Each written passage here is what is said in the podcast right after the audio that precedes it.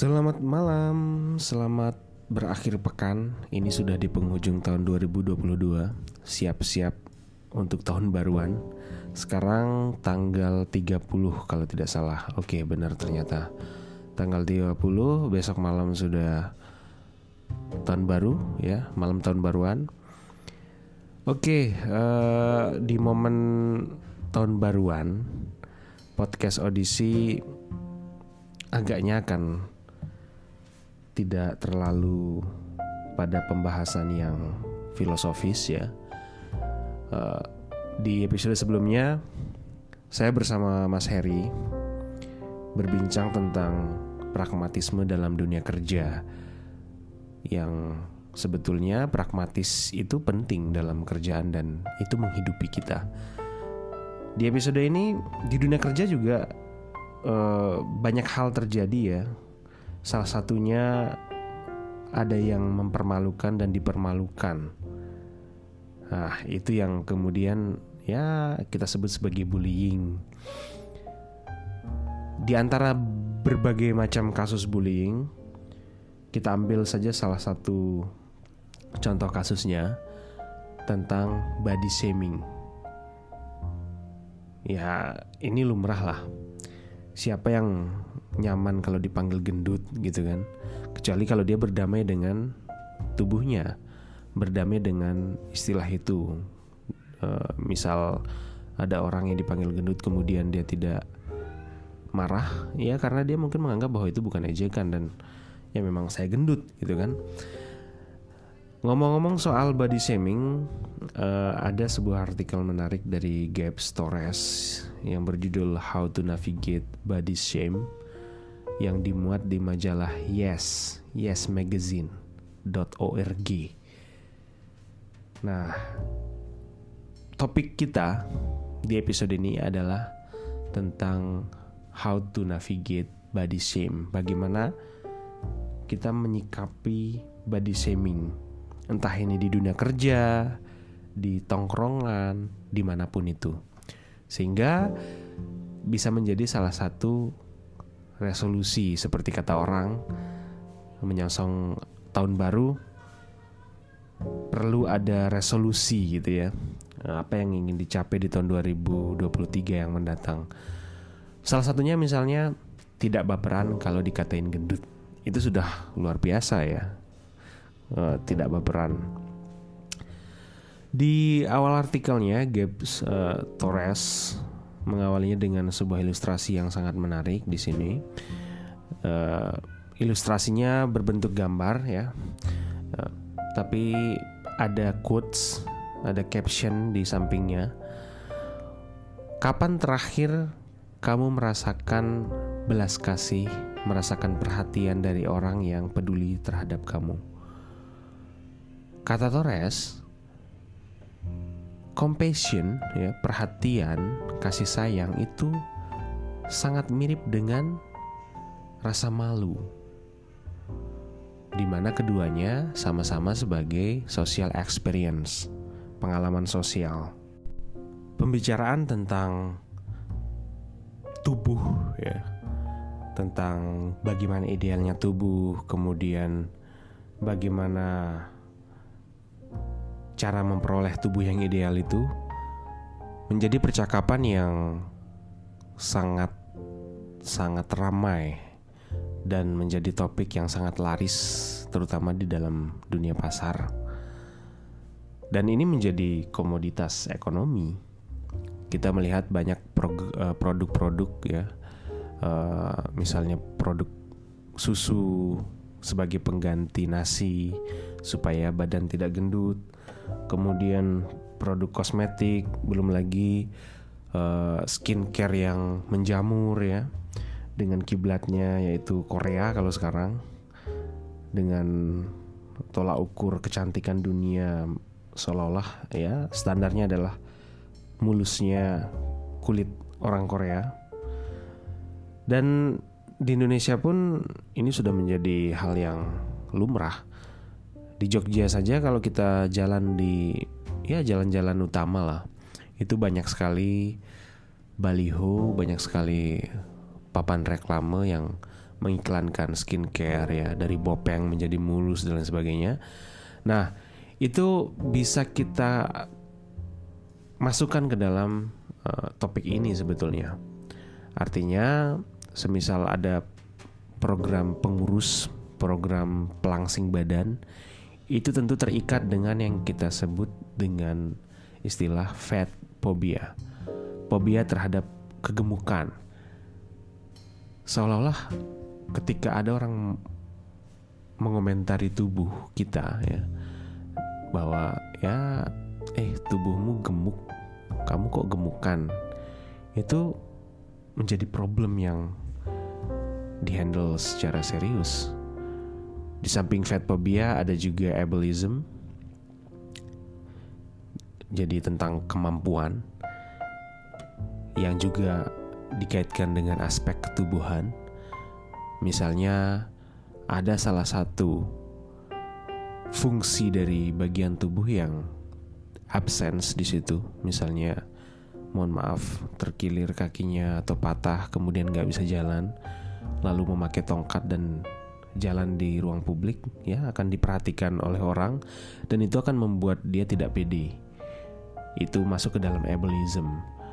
Dan uh, opresi-opresi ketubuhan lainnya yang disebutkan di artikel ini dengan istilah opresi of body ya yang kemudian berkorelasi dengan bagaimana manusia eksis di sosial media, di institusi sosial dan dalam kesehariannya. Artinya apa? Semisal ada orang yang sering mempost fotonya uh, full body misalnya di Instagram biasa mm, dia adalah orang yang sering fitness, sering gym ya, dan sering misalnya ikut zumba. Akan berbeda ketika seorang wanita, ya ini case-nya, yang memiliki tubuh gendut, tubuh gemuk, mungkin dia akan pikir sampai seribu kali untuk posting di sosial media. Nah, sehingga apa? Di sini memang ada simulak simulakrum ya uh, dalam bahasa Zhang Baudrillard. Jadi manusia tidak bisa terlepas dari simulasi-simulasi atas kehidupannya, di mana ya kita hidup sebetulnya ada di banyak realitas dan kadang saya sendiri atau kalian yang mendengarkan podcast ini lebih nyaman mendiami kehidupan yang semu, yang maya di sosial media misalnya. Kita akan merasa eksistensi terpenuhi hampir mendekati 100% jika meng-up foto atau aktivitas di Instagram misalnya. Seolah-olah kalau itu terlewatkan, aduh, seperti bagian dari hidup ini berlalu begitu saja. Pengalaman itu berlalu begitu saja karena tidak terekam di sosial media.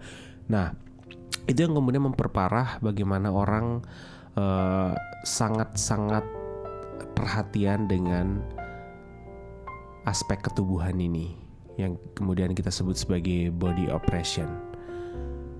Tapi ini tentu saja bukan sebuah kritikan yang uh, secara naif mengafirmasi bahwa memperlakukan tubuh semau saja. Mungkin dalam aspek kesehatan penting kita memperhatikan gitu. Semisal ada orang yang nge-gym atau ada orang yang sering jogging dengan alasan medis itu akan lebih uh, bagus gitu ya. Saya tidak menyebutnya lebih etis karena itu hal yang berbeda dan memerlukan diskusi yang panjang kalau untuk mengecek aspek etisnya. Tapi secara common sense memang seharusnya kita memperlakukan tubuh bukan atas dasar tolak ukur anggapan orang lain terhadap tubuh kita melainkan kita merawat tubuh berdasarkan rasa sayang terhadap tubuh itu. Semisal kita memberikan hak kepada ginjal dengan tidak meminum minuman keras, tidak meminum minuman soda, istirahat cukup, minum air putih cukup dan sebagainya. Mengenai berat badan, banyak uh, kasus ya Obesitas mengakibatkan kematian karena terjadinya penyumbatan pembuluh darah yang kemudian berakibat fatal bagi jantung. Sehingga ada orang yang kena jantung koroner ya karena uh, di dalam saluran darahnya di situ banyak lemak yang menghambat aliran darah. Nah, seperti yang sudah saya katakan tadi, kesehatan memang menjadi suatu hal yang penting untuk kita acu, tapi nyatanya pasar menghendaki hal yang berbeda. Oke, kita lihat di apotek atau di ya sekarang misalnya e, nyalakan saja TV, nanti akan muncul iklan-iklan tentang kesehatan. Tapi kalau kita coba cermati ya, model iklan misalnya uh, susu kalsium misalnya iklannya pasti selebriti yang ganteng yang punya tubuh proporsional ya yang cantik cantik dalam tanda kutip yang kemudian orang berbondong-bondong ingin membeli produk itu uh, agar bisa menyerupai model iklan. Nah, ini yang menjadi bermasalah di sini. Artinya apa? Uh, kesehatan pun menjadi komoditas ekonomi bagi kapitalisme di mana permasalahannya sebetulnya bukan pada bagaimana kapitalisme itu bekerja dari segi pasar ya, bukan hanya di situ saja. Tidak pure di situ dan tidak terlalu bermasalahnya di situ. Permasalahannya adalah pada bagaimana dia membangun pola pikir, membangun pengandaian konsumen bahwa suatu hidup yang ideal adalah seperti yang mereka gambarkan di iklan yang relate dengan produk yang mereka tawarkan. Nah, di situlah yang kemudian menjadi titik kritik dari Torres bahwasanya standar kecantikan, standar kesehatan itu tidak terlepas dari komodifikasi kapitalisme dan white supremacy. Nah, di sini ada tambahan white supremacy uh, ini agak sedikit sangat tendensius ya. Mungkin Torres punya pengalaman yang cukup pahit dengan orang kulit putih yang kemudian dia uh, ya melihat kapitalisme dengan white supremacy sebagai dua hal yang tidak bisa dilepaskan satu sama lain. Dan kalau kita pikir-pikir kapitalisme dan white supremacy mendoktrinasikan kita, mempengaruhi kita supaya kita punya rasa malu terhadap tubuh sendiri.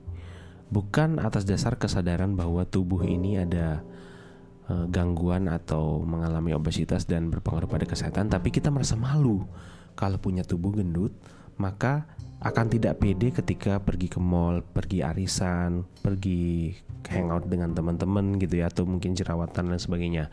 Nah, itu yang kemudian uh, membuat uh, Torres melihat concern pada aspek kesehatan terdominasi oleh concern fashion atau concern gaya hidup yang kemudian menjadi uh, hal yang artificial yang dibuat oleh kapitalisme. Tentang body shame, Torres merujuk pada artikel Sonia Rene yang berjudul Body Shame and Transformation. Uh, jika ingin lebih lanjut, silahkan dibaca sendiri. Banyak sekali artikel-artikel di internet tentang body shaming yang uh, akademis tentunya. Uh, Sonia Rene uh, mendeskripsikan body shame sebagai suatu hal yang spiral ya. Spiraling experience ya. Jadi apa yang dimaksud dengan spiraling experience?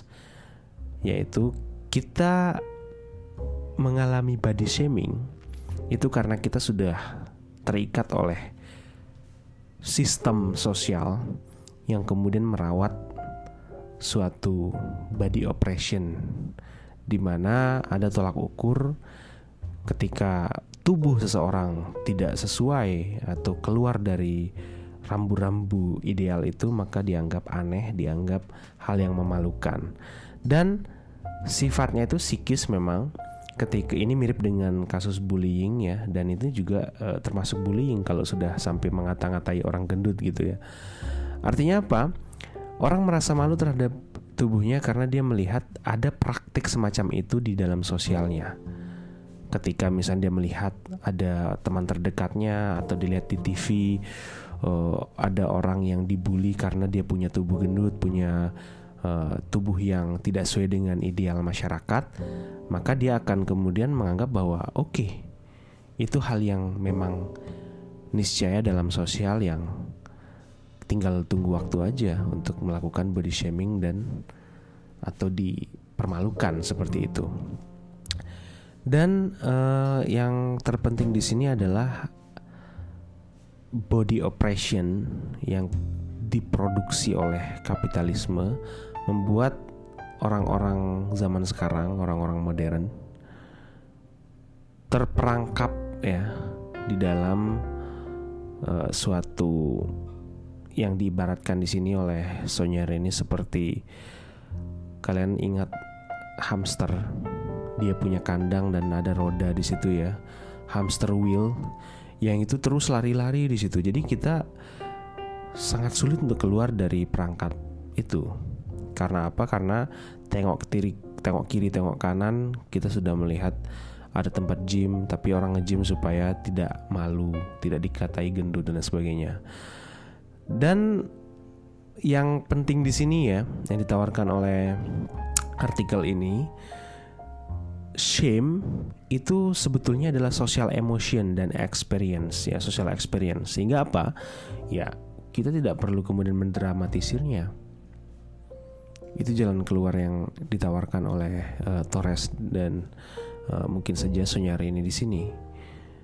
Jadi berdamai saja dengan situasi sadari intinya itu sadari bahwa kita sedang berada dalam circle pengaruh kapitalisme di mana pasar yang beredar di sekitar kita sangat mempengaruhi bagaimana kita memaknai hidup, bagaimana kita mendefinisikan tubuh dan lain sebagainya.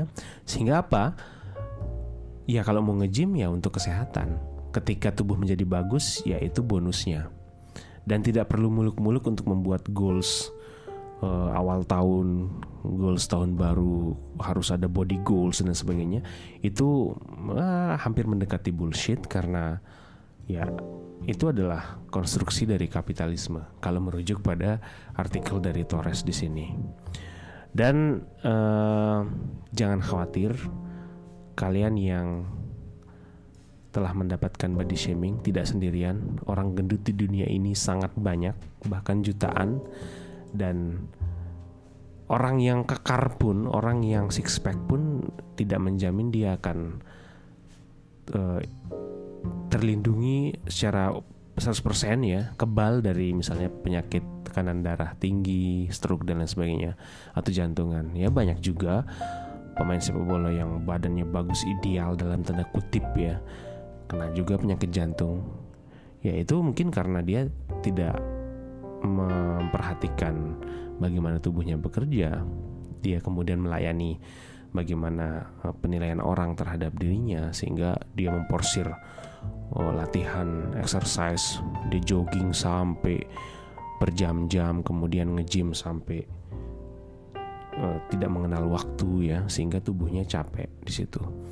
Nah, jadi di penghujung tahun ini uh, mari kita sama-sama lah meredefinisi bagaimana kita memaknai hidup, memaknai tubuh, sehingga tidak terjebak dalam suatu simulakra yang dibentuk oleh kapitalisme, sehingga kita seolah-olah nyaman hidup dalam dunia yang sebetulnya semu dan maya, yang oh, seharusnya kita hidupi ya hidup kita yang sekarang ini bukan hidup di Instagram, bukan hidup di TikTok, bukan hidup di Twitter yang benar-benar harus kita hayati adalah kehidupan di mana kita bisa physical touch dengan istri, physical touch dengan ibu bapak, dengan adik, dengan sahabat, bercengkrama, tidak pada uh, sosial media semata. Selamat tahun baru. thank you